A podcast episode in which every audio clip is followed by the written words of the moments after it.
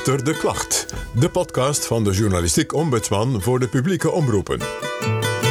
Met in deze eerste episode een realistisch hoofdredacteur, Ja, hier worden natuurlijk ook fouten gemaakt, zoals overal. een optimistische ombudscollega En soms gaan er specifieke dingen fout en dan moet de ombudsman dat zeggen. en natuurlijk voorbeelden van klachten. Beste ombudsman, het wordt tijd dat uw journalisten... Beste mevrouw Smit, bedankt voor uw reactie op mijn klacht. Ombudsman, ik beklaag mij over de wekelijkse ladingen modder die over de kijker worden Fijn dat je luistert naar Achter de Klacht. Ik ben Margot Smit, de journalistieke ombudsman voor de publieke omroepen. Ja, meteen maar een controverse erin. Ik ben de ombudsman. En ik zal het je zo uitleggen waarom die man. Maar eerst iets anders. Want waarom moet je überhaupt een journalistieke ombudsman hebben? En waarom moet hij zo nodig dan ook nog podcasten? Volgens onderzoek neemt in de hele wereld het vertrouwen in de pers af. Maar onderzoeken zeggen ook dat het publiek het belangrijk vindt om te weten hoe nieuws gemaakt wordt. Dat je de maker om verantwoording kan vragen, eh, dat er een onafhankelijk toeziend oog is, dat een journalist eventueel tot de orde kan roepen als er iets fout gaat, en dat iemand misschien kan uitleggen hoe zaken op redacties gegaan zijn. Dat zou allemaal helpen om nieuws en informatie meer te vertrouwen. Een ombudsman kan die dingen doen. Ik ben er in 2017 voor aangesteld om te helpen, zoals het zo mooi heet, bij het hooghouden van de journalistieke kwaliteit bij de publieke omroepen. Ik ga je in mijn podcasts meenemen in hoe ik dat werk dan doe. Laten we in deze episode eerst maar even kennis maken. Ik werk sinds 1989 in de journalistiek. Dat is dit jaar 30 jaar geleden. Je weet het misschien wel, ik in elk geval wel. In Berlijn viel de muur en in Nederland begon de commerciële omroep met uitzenden.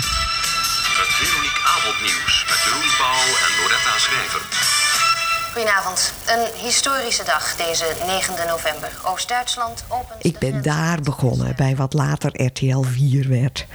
Als bureauredacteurtje, puppy nog en later ook als politiek verslaggever in Den Haag. En daarna ging ik naar een actualiteitenprogramma.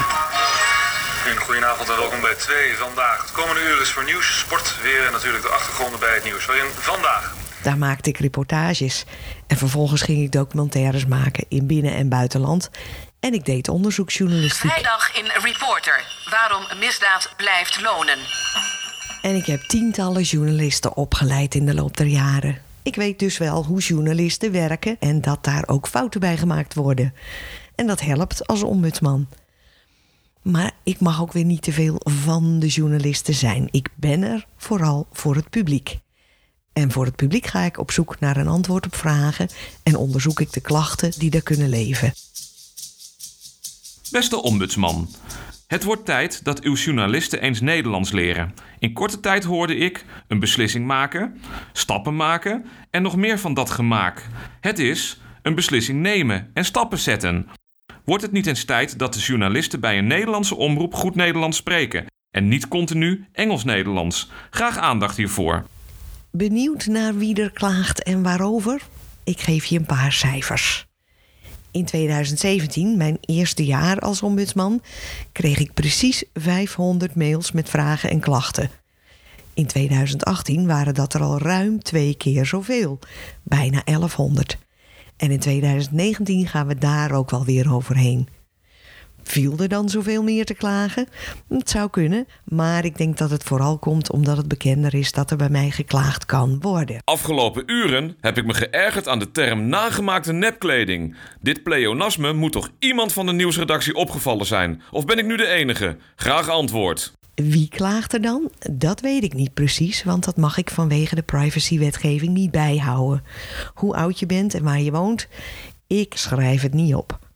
Maar waarover wordt er geklaagd, dat weet ik natuurlijk wel. En dat gaat dan het meeste over fouten in inhoud en in taalgebruik. En daarna volgt dat klagers het nieuws niet onpartijdig of niet objectief vinden. En daar kom ik in een volgende podcast zeker een keer uitgebreid op terug. Want ik vind het wel heel interessant dat mensen dat vinden. Beste mevrouw Smit, dit is strijdig met de journalistieke codes die stellen dat goede journalistiek waarheidsgetrouw en nauwgezet, onpartijdig en fair, controleerbaar en integer is. Graag uw oordeel. En over wie klaagt het publiek dan? Dat gaat over alle omroepen. Maar de NOS is wel hofleverancier. Ongeveer de helft van alle klachten gaat over alles dat de NOS aan journalistiek doet. De journaals, de website, de app, Studiosport, noem maar op. Ik ga er dus maar mee naar hoofdredacteur Marcel Geloof. Doet die NOS zo slecht zijn werk dan? Uh, nee, ik denk het niet. Uh, ik denk dat het illustreert uh, wat de betekenis van de NOS voor de publieke omroep is. Ik weet niet de precieze cijfers, maar ik geloof dat de NOS iets van de helft van de zendtijd van de publieke omroep voor zijn rekening neemt. Dat is dan wel inclusief sport. Het zegt vooral iets over ons bereik. Het bereik van de NOS is het weekbereik of het maandbereik is iets van 90% of ruim 90%. Dus, dus wij bereiken toch structureel een heel groot deel van ons publiek. Dus dan is het ook logisch dat je daar relatief veel reacties op krijgt. Wat de hoofdredacteur hier in een beetje jargon zegt, is dat 9 van de 10 Nederlanders nieuws, sport of andere informatie via de NOS meekrijgen. Als je dan zoveel berichten en uitzendingen maakt en daarmee zoveel mensen bereikt, is het ook niet gek dat er meer over jou wordt geklaagd dan misschien over andere programma's die wat minder bekeken of beluisterd worden. Iedereen vindt iets van de NOS, iedereen vindt iets van het NOS-journaal. Um, dat illustreert vooral, denk ik, dat we van iedereen zijn en dat er zoveel naar ons gekeken wordt. Dus zolang dat gebeurt, gaat het, uh, gaat het goed met ons. En uh, we kunnen ons altijd verbeteren. En ja, hier worden natuurlijk ook fouten gemaakt, zoals overal. Dus dat helpt alleen maar om daar, uh, om daar wat mee te doen. In een volgende episode gaan we een keer op zoek naar wat de omroepen dan met die ombudsman oordelen doen. Goedendag. Het woord plezierjacht wordt in uw artikel zowel verwarrend als discriminerend gebruikt. 1. Het woord is ook, en al veel langer, de aanduiding van een klasse vaartuigen. En 2. Tegenstanders van de jacht denken dat ze daarmee het onethische van de jacht kunnen onderstrepen. Is het dan misschien zo dat jagen wel ethisch is wanneer je als jager verdriet hebt van het doden? Ja, wat zeg je nou op zo'n klacht? Het is wel een gek vak hoor, ombudsman. Ik had overigens met deze klager hierna een hele zinnige mailwisseling over zorgvuldige woordkeus. En hij mailt me nog steeds als hij gek taalgebruik hoort. En het is ook wel een beetje een eenzaam beroep, maar ik heb gelukkig een assistent. En er zijn in Nederland ombudsmannen bij een paar kranten. En ik heb collega's bij publieke omroepen in andere landen. Bijvoorbeeld Tim Pauwels. Die werkt als ombudsman bij de VRT, de Vlaamse publieke omroep.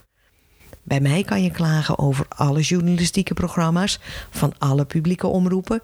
Tim is er alleen voor VRT Nieuws. Tim, uh, heb je het idee dat uh, het Nederlandse en het Vlaamse werk een beetje op elkaar lijkt als ombudsman? Dat denk ik wel. We doen dezelfde dingen. We proberen uh, te bemiddelen met mensen die op een of andere manier een persoonlijke impact hebben van, uh, van de berichtgeving. We proberen klachten van andere mensen met meningen over ons uh, journalistieke werk om dat te behandelen en om daarvan ook een beetje feedback te geven aan de, aan de redacties. Wat is de meest voorkomende klacht die jij krijgt? Dat hangt er sterk vanaf. Voor de website is dat onnauwkeurigheid. Um, en ik denk dat we trouwens heel veel burgers dankbaar moeten zijn, omdat ze wijzen op meestal niet de teneur van het artikel die fout is, maar kleine relevante dingen. Een jaartal, een naam, uh, een, een, detail. Maar dat is toch belangrijk. En ik vraag ook altijd dat dat gecorrigeerd wordt. Er zijn wel eens jonge journalisten die dan zeggen van oh, niemand leest dat nog en het is van vorige week. Maar dat moet altijd gecorrigeerd worden, want daar staat VRT Nieuws op.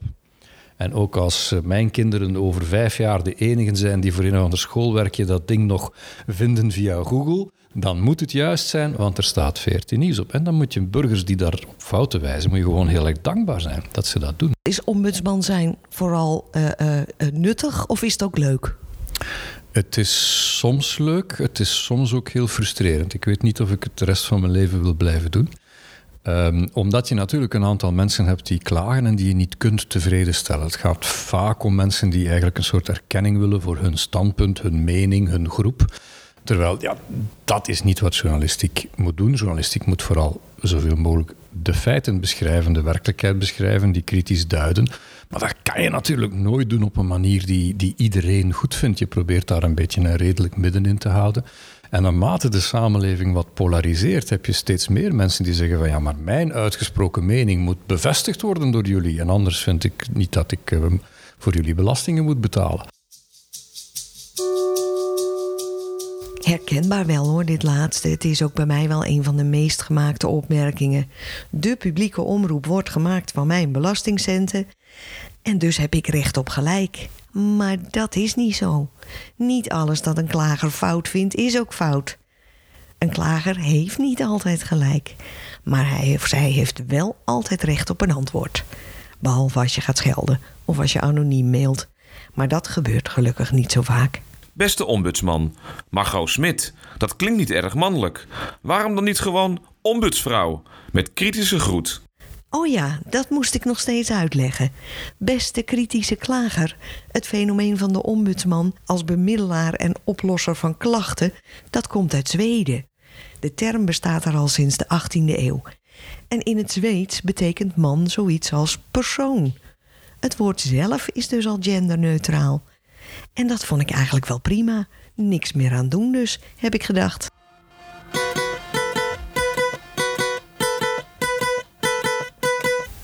Mooie noot om deze eerste podcast op af te sluiten. Heb je nou een vraag over het werk van de ombudsman? Of wil je een onderwerp voor een volgende episode aandragen? Laat het me dan weten. Mailen kan naar ombudsman.npo.nl. Daar mail je overigens ook je klachten over de journalistiek naartoe. En ga eens naar mijn website ombudsman.npo.nl. Daarop vind je bijvoorbeeld mijn uitspraken en mijn oordelen over klachten. Maar je vindt er ook de journalistieke code. Dat is een serie regels waar journalisten van de publieke omroepen zich aan moeten houden. Ik ga er in een volgende aflevering wel eens verder op in. Waarom die code? Deze podcast maakte ik samen met Wilma de Weert. Technische ondersteuning kwam van Peter Riemslagbaas. Vormgeving is van Martine Eelman. Advies en coaching van Katinka Beer. Stemmen zijn van Dennis Jong, Anne Peetoom en Hans Hogendoorn. En de muziek is van Boris McCutcheon en Calexico. Wil je een volgende aflevering weer luisteren? Dan vind je de Ombudsman podcast op mijn website en via de bekende podcastplatforms. En heb je wat te klagen, te vragen of te zeggen? Mail naar ombudsman.npo.nl. Tot achter de volgende klacht.